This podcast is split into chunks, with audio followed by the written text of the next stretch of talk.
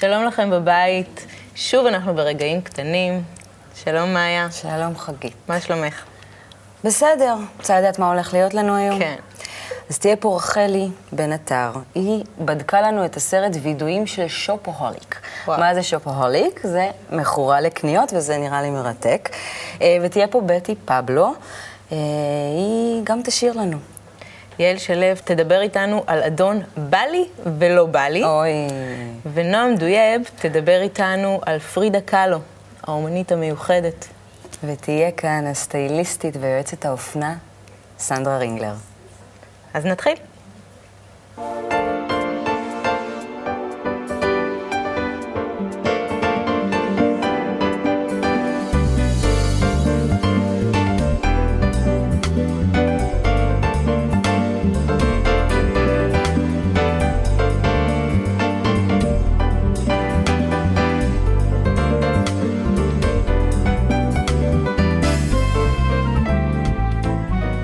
רחלי, מה נשמע? איך את? סבבה. אה, קצת כועסת עליכן שהכרחתם אותי לראות סרט שלא כך רציתי, אבל... אה, מצטערת. אבל לא, הוא היה בסדר גמור. אני לא ראיתי. אני, אני ממש באמת מרגישה שקצת. אשמה. אה, כן. נו, אז בואי תספרי. וידועים של שופוהוליק. אה, סרט חמוד על בחורה ניו יורקית מתקתקה כזאת, שהיא כתבת כלכלית בעיתון, ובעצם כותבת טיפים על חיסכון, אלא שהיא בעצמה נמצאת בחובות של עשרות אלפי דולרים, בגלל שהיא שופוהוליק. מכורה לקניות. עכשיו, איזה אה. זה, זה מבוסס על ספר, זה מבוסס, מבוסס על ספר של אה, כתבת כלכלית ב, מ, מבריטניה, והיא בעצם מספרת על התמכרות, על זה שבן אדם, יש לו סיפוק ממשהו, אבל תוך שנייה הוא נעלם, ואתה חייב לרכוש עוד משהו ועוד משהו ועוד משהו כדי למלא איזשהו, איזשהו חיסרון בך, איזשהו חור בך שצריך אה, מילוי. וזהו, אה, בואו נראה קטע, ואחר כך נמשיך. Rebecca Bloomwood. Occupation, journalist. Dress, Zach Posen. Belt, Todd Oldham Vintage. Bag, Gucci! And worth every penny. Moving to New York, I met guys. And that kind of put things in perspective. Because you know that you see someone cute and he smiles, and your heart kind of goes like warm butter sliding down hot toast. Well, that's what it's like when I see a store. Only it's better. I wanted a thousand words on APRs from an angle, Is that not an angle? not unless you call head on an angle. No, I don't. Try it again. Remind me why I hired you. Okay.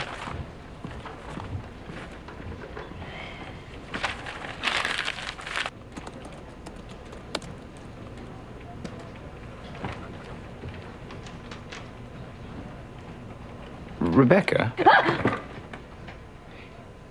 Did you just type good angles on APRs into Google? Yes. I Googled. היי גוגל. היי גוגלד, כן, היא מתוקה מאוד. אה, בסך הכל אהבתי, אה, חמוד מאוד, סרט בנות, הלכתי עם חברות, היה מאוד מגניב.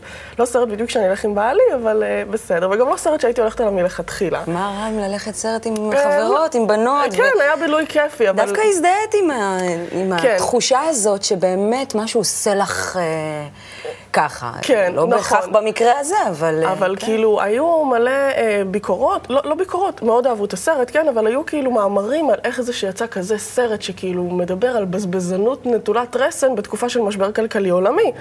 ובעצם המפיקים כזה שינו את היוצרות ועשו את זה ככה שבטח מראים פה גיבורה שבעצם מנסה אה, לעבוד על עצמה ובעצם עובדת אה, על עצמה בתקופה כזאת קשה ומצליחה. בעצם במקום לפנות לבגדים כדי שימלאו אותה, פונה בעצם לחברים, למשפחה, מו- מוצאת את עצמה, אה, אה, מקבלת את, ה, את המילוי ואת התענוג מהזולת. מהמשפחה. ו- וזה משהו שאנחנו צריכים ללמוד בתקופה של משבר כלכלי. ככה בעצם הם אה, שינו ככה את היוצרות, ובאמת אני חושבת שבתקופה כזאת אנחנו, כשכבר לא יהיה לנו אפשרות גם ליהנות מהחומר, כי הוא לא יהיה בהישג ידינו מבחינה כלכלית, אנחנו באמת נפנה למקום יותר, יותר פנימי, באמת בתענוג הבין-אישי שנמצא בינינו. וזה משהו שלקחתי מהסרט, ואני ממליצה לכולם לראות אותו. ממש בכל סרט אפשר, אה, אפשר למצוא. תודה רבה. אה, יעל, מה שלומך? טוב. על מי תספרי לנו היום? על איזה אדון? היום אני רוצה לספר על אה, אדון בלי, ואת בטח מכירה את החבר הטוב שלו, שהוא? לא בא לי. לא בא לי כמובן. אז אה, בא לי ולא בא לי, אה, תמיד הם צצים בכל מיני הזדמנויות, אבל אה, בזמן האחרון ניסיתי לחפש... אה, ותמיד זה בהזדמנויות שהכי לא מתאימות לנו. לא מתאים. בזמנים שאי אפשר להגיד לבעלי, בבקשה, קח את מה שאתה רוצה. אז אה, ניסיתי לחפש דרך אה, להסביר לילדים מי הוא בעצם בעלי. אחרי שהבנתי שהם מתייחסים לבעלי בתור עצמם ובתור אה, מישהו שהוא השולט וצריך אה, לספק את כל הרצונות שלו. אה, אלבי זה הילד, הוא בן שלוש, ותמיד רוצה לאכול דברים בזמן הלא נכון שלהם. גם הילד האמצעי שלי הוא כזה. והוא אמר, אה, הוא חזר עם חברה, לקחתי אותו עם חברה, הוא גמר אה, לשחק איתה, ובאנו, היינו בדרך הביתה לאכול ארוחת ערב, הוא היה חייב שהם ייתנו לו משהו לדרך, פיתה. והוא הולך כל הדרך עם הפיתה שלו, והוא מבסוט ממנה ואוכל אותה, והוא אמר לה, אבל בא לי, בא לי, והיא נתנה לו. ואז אמרתי לו, כבר בעצבים ובכעס שלי, אבל למה אכלת אותה? אז הוא מסתכל עליי, ובשיא הטבעיות וגם בתימהון על השאלה, הוא אומר לי, כי זה טעים. עכשיו, ברור שזה טעים, ובאמת אה, נשארתי עם אה, לסת שמוטה, ומה עכשיו? טעים לך בסדר? מתי לא? אבל הבנתי שחייבים ללמד משהו על אה, טעים לי, נעים לי ובא לי.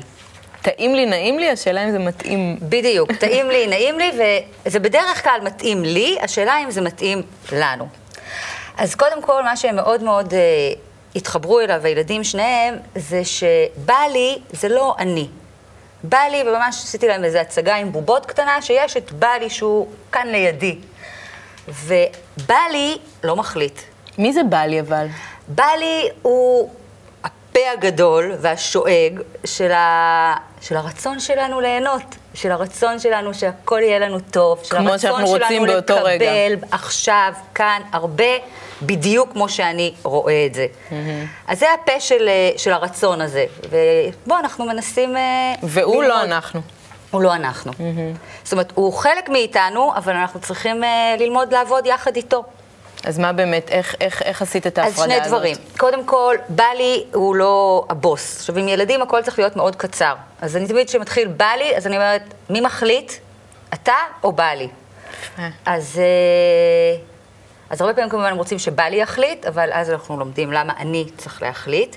אז מי הבוס תמיד עובד, וכבר בלי רגע, הוא נהיה יותר שקט. שקט.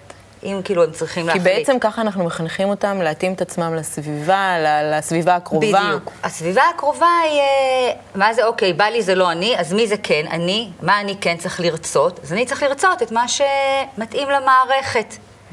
איך מסבירים אבל לילד קטן מערכת? כלומר, הוא לא כל כך אה, מבין... אה, כי מערכת נתפסת, ובאמת מערכת היא דבר נורא גדול. כולנו רוצים לחיות אה, לפי חוקי הטבע, בהרמוניה, להשתלב במערכת. אם ילדים לוקחים מערכת קטנה, הרי הכל זה מערכת, המשפחה שלנו זה מערכת. אפילו אם אלבי היה קל להסביר שהגוף שלו זה מערכת שלמה, שהפה הוא רק חלק ממנה והוא אוהב טעים. אבל השאלה אם זה טוב לכל הגוף שלי, זה טוב למערכת שלי. הם יכולים להבין את זה. עובדה שהם מבינים, וגם הרבה פעמים אה, הוא אומר לי, אבל עכשיו אני רוצה מה שטעים. אז באמת... כבר גם- עושה את ההבחנה הוא עושה את הדקה ההבחנה הזאת. בין מה שטעים לי ומה שטוב לי. ומערכת, עכשיו, זה גם מילים נורא גדולות, גדולות. נשמעות לנו, אבל אה, אם אנחנו אה, כל הזמן נכניס אותם... אה, לאיזשהו... לדו-שיח, וכל כן. הזמן הם ישמעו אותם, אז הם כבר ילמדו להכיר את המערכת. אז מה שנעים לי הוא לא בהכרח מה שטוב לי, לכולם. ומה שמתאים למערכת, ומי מחליט, בא לי או אני, וזה עובד בהתמדה. תודה, יעל. בא לי לראיין אותך, סנדרה. זה היה ממש יעיל, נכון? הטיפ הזה, הולכת ליישם אותו. כבר היום. כן? יש לך ילד אה, כבר בן, שנתיים וחצי, ועוד מעט... אה, עוד אחד בדרך. עוד אחד בדרך, ואת גם סטייליסטית, ואת גם נכון. יועצת אופנה, ואת גם עושה אה, קטלוגים ומגבשת דימוי אופנה לחברות גדולות, וגם עושה כתבות אופנה, שזה מאוד יצירתי בשביל אה, סטייליסט, ואת גם עושה קורסים ואת גם מלבישה. ומה את עושה היום? כיום בין השאר? כן, עכשיו אחד האירועים המרגשים בקריירה שלי זה באמת שפתחתי קורס שמתמחה בקניינות של, אה, קניינות אישית, מה שנקרא personal styling, וגם קניינות מסחרית לחברות אופנה וחנויות. כשבעצם מלמדים באמת את אה, תורת ה... איך להתאים ב... בחלק של הקניינות האישית, באמת איך להתאים, איך להפיק בעצם מאדם מסוים את המיטב. ש- מקסימום. את המקסימום. כשבאמת ה... אני מאוד מאוד מאמינה שאלוהים ברא את כולנו יפים, והבסיס הוא להאמין שכל אחד יכול להיות הכי יפה בעולם. כשאת באה להלביש אישה, מה, מה את עושה? מה העבודה שלך איתה? אז באמת, קודם כל, אה, צריך באמת להדגיש שלא מדובר בדוגמנים. להלביש דוגמנים, כמו שאמרת, זה מאוד יצירתי. להלביש אנשים זה כבר משהו שהוא הרבה יותר עמוק. זה קודם כל באמת להתחבר אל הבן אדם, ולהצליח להוציא ממנו, קודם כל את הביטחון שהוא יכול להיראות מדהים, ושנית, את היופי שבו. כי כל אחד הוא באמת אחר, ולכל אחד יש פלוסים וגם מינוסים, וזה כל היופי. אז באמת הכוונה היא להדגיש את הפלוסים, ולדעת לטשטש את המינוסים, וככה באמת להפיק את המיטב. המקסימום, איזה קשר נוצר בינך לבין מישהי שאת מלבישה אותה? כי נראה לי שבגד זה משהו מאוד אישי, נכון, מאוד אינטימי. נכון. את אומרת גם, אני, איך אני אוציא ממנה את הביטחון להיראות לחלוטין. בצורה מסוימת. באמת, אני חושבת שהדבר החשוב ביותר, בכלל בהלבשה, באמת זה דבר אינטימי, אמנם מדובר במשהו שהוא חיצוני, אבל הוא מאוד קרוב לגוף שלנו והוא מאוד אישי. ו... וההתחלה היא באמת בקשר שלנו, עם ה... בקשר שלי עם, עם אותו בן אדם, להבין מי הוא, מה הוא, מה סדר היום שלו, מה סגנון החיים שלו, מה הוא אוהב. אנחנו באמת אה, צריכים להרגיש בנוח בבגדים, הם צריכים לשרת אותנו. ואז נוכל להפיק מהם את... מרגישה שאת ממש קורה לך משהו עם אה, אישה שמולך, שאת ככה ממש... צריכה להרגיש אותה כדי לבחור לה, נכון? זה ממש משהו נראה לי כן, ככה אני מאוד צריכה אישי. מאוד, זה גם מאוד אישי, וזה גם באמת מהמקום של להתחבר אל הבן אדם, לא לכפות עליו דברים. אני גם מאוד יכולה להזדהות, כי אף אחד, אני תמיד טוענת שאנחנו, הנשים, קיבלנו מתנה וגם עונש. קיבלנו מתנה, קודם כל בהיותנו נשים, כמובן, וגם בעניין הזה שיש לנו אפשרויות מאוד גדולות בעניין של אה, להתייפות. ואם זה איפור, אם זה שיער, וכמובן בגדים בכל מיני גזרות, וזה שמלות וחצאיות, צבעים, בדים, דפוסים, חגיגה שלמה של אופנה. והעונש שלנו זה שאין כמעט אישה ששלמה עם עצמה. אז uh, העבודה האמיתית אנחנו היא... לומדים על זה שאנחנו, המהות של האישה, השורש של זה זה החיסרון. אנחנו נכון, תמיד בחיסרון. כל הזמן בחיסרון. אני אומרת לך, גם כשאני עובדת עם דוגמניות הכי פצצות בעולם, גם הן תמיד מוצאות בעצמן את הפגמים. את התפרסמת בתחום שבדרך כלל נשארים בו מאחורי הקלעים. נכון. קיבלת הרבה ככה כבוד והכרה. זה שינה אותך? אני בטוחה שלא, זה שינה את החיים שלי. אה, זה נתן לי המון הזדמנויות, זה פתח לי המון דלתות, זה שינה את, זה שינה את ה... זה אולי שינה באמת את ה... נתן איזשהו ההיקף, נפח, כן. את ההיקף של מה שאני עושה ומה שאני אוהבת לעשות. זה נתן לי המון הזדמנויות, אבל את מי שאני, זה יהיה לי מאוד עצוב לחשוב ואת, שזה לא, שינה. נגיד את היחס שלך, כי, כי לפני כן אולי הלבשת, אה, ועכשיו יש לך כאילו אני עבודת, את עדיין מלבישה, את עדיין קושרת שרוכים, אה, ס- אז זו כפתורים. שאלה, תראי, אה, כשאתה עושה משהו מתוך אהבה ותשוקה ואמונה, אתה תמיד עושה אותו בכיף, וגם אם זה באמת, כמו שאת אומרת, להתכופף ולקשור שרוכים, לסחוב שקיות, אתה מרוגש מעצם העשייה. והסיפוק הכי גדול שלי הוא באמת לשדרג אנשים, לגרום להם להיות יפים, אם זה דוגמנית או לא, זה לא משנה. זה גם אם כרוך בעבודה שחורה שצריכה עדיין זה לעשות תמיד אותה. כרוך בעבודה שחורה, אין עבודה שהיא לא שחורה ואין אה, עבודה שלא מצריכה אה, השקעה, מאמץ פיזי, ו, ו, אבל אה, כשאתה אוהב את מה שאת עושה, אתה לא מרגיש את זה. אני מרגישה שקיבלתי מתנה שאני... אני רוצה עוד לצטט אותך, שאת כן, רוצה לצטט אותך. אם כל אחד יתלבש מאהבה, אין מי שלא יראה במיטבו. את טבעת את הציטוט הזה. מה זה להתלבש מאהבה? זה, אז זה כמו שאמרתי, באמת כאילו, לאהוב את עצמך, לקבל את עצמך, ולדעת שמגיע לך להיראות במיטבך. ואז באמת, תראי, אני פוגשת כל כך הרבה נשים בעיקר, שכאילו התייאשו, התייאשו מהעניין הזה. אני, אין לי את זה, אני כבר לא זה, פה יש לי קצת ככה, אין לי טעם, אין לי סגנון, וככה הן מזניחות את עצמם עם השנים יותר ויותר, ואת רואה את זה על ההבעה שלהם, את רואה את זה על היחס של הסביבה כלפיהם. זה, זה מין מעגל כזה, זה איך שאני מרגישה, מה שאני מקרינה, ואז איך שהסביבה מקרינה אליי. והביטחון שלהן הולך ונופל. פשוט את רואה נשים קמלות. ופה אני באה להגיד, תאהבו את עצמכם, אופנה באה לשרת אותנו, תהנו מזה. זה, ואפרופו מה שדיברתם אה, קודם, דיברו כאן על ה... על הסרט, על העניין הכלכלי, אז תמיד באמת נשים אומרות לי, טוב, זה לא חוכמה, מי שיש לה כסף, נורא קל לה. ואני אומרת שזה ממש, קודם כל טעם לא קונים בכסף. זה, זאת לא סתם קלישאה, זה נורא נכון.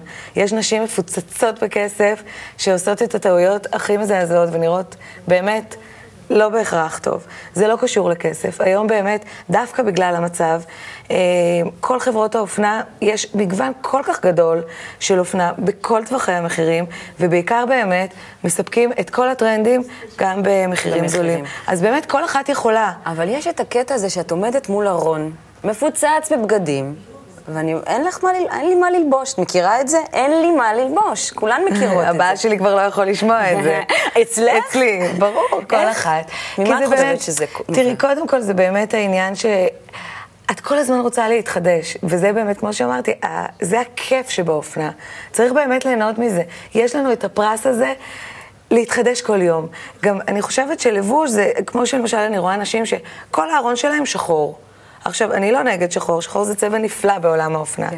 אבל זה מאוד עצוב, כי כל אחד, כל יום הוא יום חדש, וכל יום אנחנו חדשים, ואנחנו משתנים. לכן כל יום בא לנו להיות שונים. איזה אז מקסים זה, זה. באמת אה, העניין הזה של אופנה. גם כששואלים אותי איזה צבע מתאים לי, אין דבר כזה, כי יום אחד את שזופה, ויום אחד את מאופרת ככה, יום אחר גוון שיער שלך שונה, התאורה שונה, המזג אוויר שונה, וכמובן שאנחנו כל הזמן משתנים. ומעבר לזה, שלכל צבע יש אלף גוונים, אין סוף גוונים. אז להגיד לך שוורוד מתאים לך או לא, זה לא יהיה נכון. יום אחד את... מתאים לך ורוד, ויום אחר לא מתאים לך, יום אחד מתאים לך ורוד בייבי, ויום אחר מתאים לך ורוד פוקסיה. אז uh, באמת, זה כיף ל- לגוון, זה מקסים מה שאת אומרת להתחדש. על ההתחדשות, כי אנחנו, השורש, שורש של ההתחדשות, שורש מאוד מאוד גבוה, הצורך שלנו כל הזמן אה, נכון. לקבל. אני בכלל באמת, אני. באמת מאמינה שאנחנו כל יום נולדים מחדש. וכל יום שאנחנו קמים בבוקר, אנחנו פותחים את החלון, יש איזושהי אנרגיה שהיא של התחדשות. אז אה, תשמעי, גם לי יש תקופות שאני חורשת על אותו בגד ככה... במיוחד עכשיו בתקופת ההיריון, אני נדבקת לדברים מסוימים שאני מרגישה בהם יותר בנוח, אבל עדיין, כיף לי שיש לי את האפשרות, כשיש לך ככה בין מה, יש לך מגוון של דברים לבחור, ואת היום במצב רוח כזה, ו- ומחר את יכולה לצאת ולהיראות אחרת, לגוון, גם אם זה באביזרים, גם אם זה כן. איזשהו צעיף או תכשיט, ככה שנותן לך תחושה שאת ללכת עם שונה. ההתחדשות, כן. כל הזמן, לשר... את הזכרת את זה שאת אה, בהיריון עכשיו, את מתנהלת בתחום מאוד תובעני, ואת גם אה, מנהלת גם זוגיות אה, מתוקשרת ויציבה, ואת אימא ואת בדרך להיות אה, אימא לשני ילדים. איך עושים את זה? איך את, ש- מה הסוד שלך? איך את בתוך כל זה? אני בכלל לא מבינה את השאלה, עושים את זה. קודם- קודם כל לגבי... אה, מה אז- הטיפ שלך אולי בזה? האמת שהטיפ שלי, אני חושבת שזו מתנה שקיבלתי אולי בירושה מההורים, ואולי אה, באמת אה, אלוהים חנן אותי. אני פשוט בן אדם אה, מאוד אופטימי, ומאוד... ואני יודעת שכשאני מחייכת לחיים, הם מחייכים אליי בחזרה. וזה פשוט עובד, אני... ואצלי זה בא באופן טבעי, הרבה אנשים אומרים לי, איך תמיד את כזאת חייכנית ותמיד כזה? אז ברור שהחיים זה החיים, ולא תמיד הכל ורוד, ויש דברים שצריך להתמודד, אבל זאת אני, וככה, וככה זה עובד, ובאמת, מבחינת... אז שוב, בקריירה אני עושה את מה שאני אוהבת, אני פשוט נהנית מזה, אני לא מרגישה מאמץ. גם כשיש מאמץ זה, זה בא מאהבה, ובכל העניין הזה של משפחה וזוגיות, אני אפילו מופתעת מעצמי, אני מופתעת לטובה מהבן זוג שלי, מכל הקונספט הזה שהוא כל כך טוב לי וממלא אותי ומתאים לי אפילו. איזה יופי. טוב, אז לבוא מהאהבה. תודה, סנדרה. תודה לך. נועם, יקירתי, על מי אנחנו נדבר. היום? היום אנחנו נדבר על ציירת מאוד מאוד מוכשרת, עם סיפור חיים קצת יוצא דופן. פרידה קאלו. וואו. פרידה קאלו נולדה במקסיקו בשנת 1907, ונפטרה בגיל יחסית צעיר, כבר בגיל 47. עם חיים, היא עברה סבל מאוד מאוד גדול.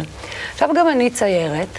ואני יודעת שמאוד חשוב לנו ההכרה האומנותית. זה משהו שמעסיק אותנו גם אם לא נודה בזה, mm-hmm. כי תמיד אומרים לנו, אם תביאו את המשהו הייחודי, את המשהו החדש, שלא עשו לפניכם, אז תפרצו, ואיזה אומן לא רוצה לפרוץ. Mm-hmm. אז אני באמת מסתכלת על הציורים של פרידה קאלו, ואני מחפשת... מאוד צבעונים, מאוד ססגונים, אדומים כן, כאלה. נכון, ואני מחפשת אה, איפה היא, את החיפוש שלה אחר הייחודיות. ואני לא כל כך מגלה את זה, כי לא, אני לא רואה שם קפיצה מסגנון לסגנון. ההפך, אני רואה משהו מאוד עקבי, מאוד בטוח בעצמו, כאילו היא אומרת, זה מה שיש. אני מביאה את עצמי, בדיוק. You like it or not. בדיוק.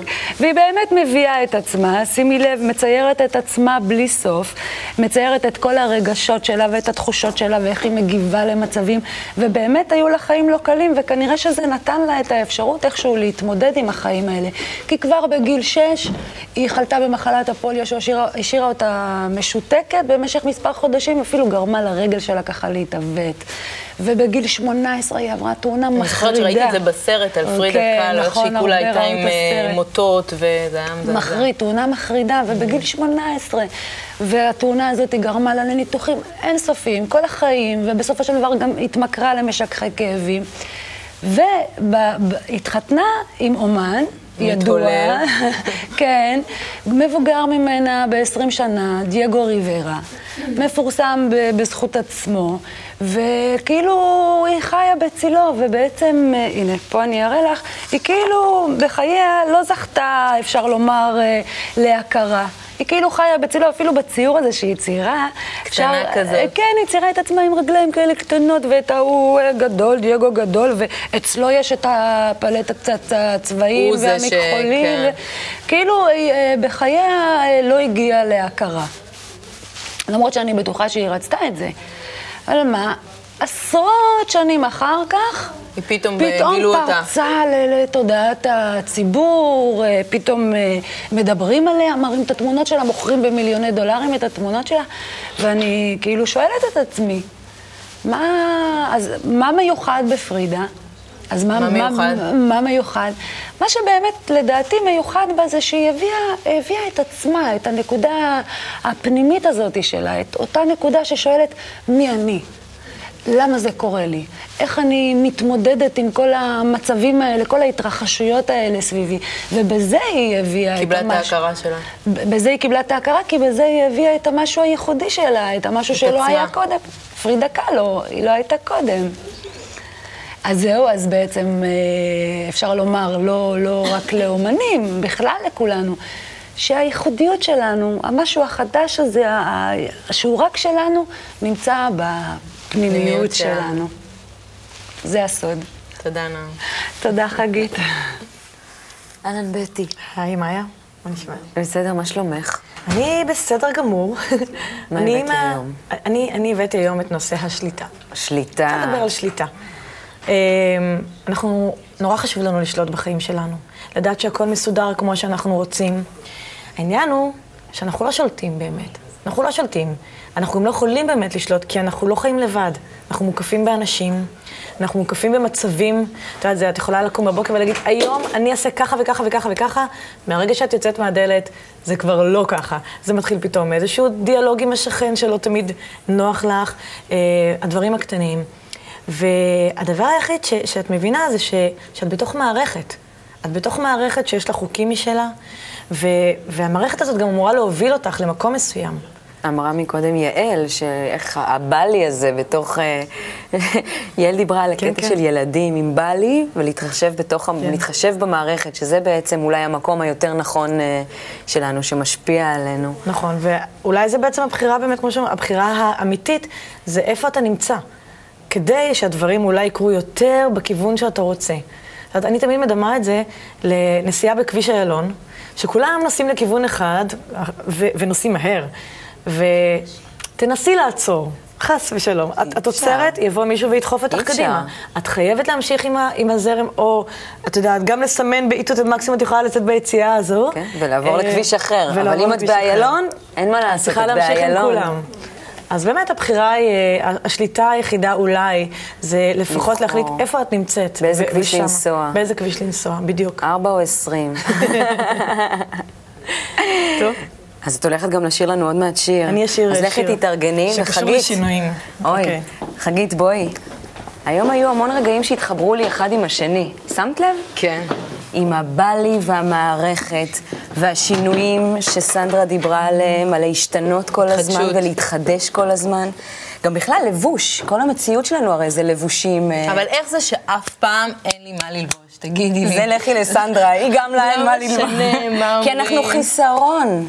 זה משהו- ואנחנו צריכות להשלים עם זה שאנחנו חיסרון, ואולי אנחנו צריכות לבוא מול הארון ולהגיד, יש לי מה ללבוש. מה היה לך? אה, הכל ביחד. כן, הכל ביחד. בא לי ולא בא לי, זה כל ערב ככה סיפור כזה נמרח. אבל זה לעשות את ההצגה, אני גם כן. הולכת לעשות. כן. צטטי לנו. אז בואו נצטט. ישראל, האומה שהאוניברסליות הגמורה טמונה בעומק נשמתה. מאמרות הרב קוק. שוב, את ההתחלה. ישראל היא האומה שהאוניברסליות הגמורה טמונה בעומק נשמתה. נראה לי אין מה להוסיף על זה. כן, שהאינסוף אה, טמון ביש- בישראל, בישר אל. וזה נראה לי מאוד נכון. אה, בטי, אז אה, תודה לצופים בבית. אני נהניתי מאוד, וניפגש בתוכנית הבאה.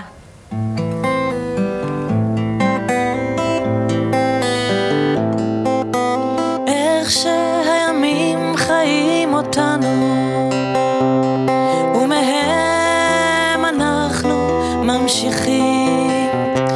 על כל נשימה אחת שלנו יש מחול של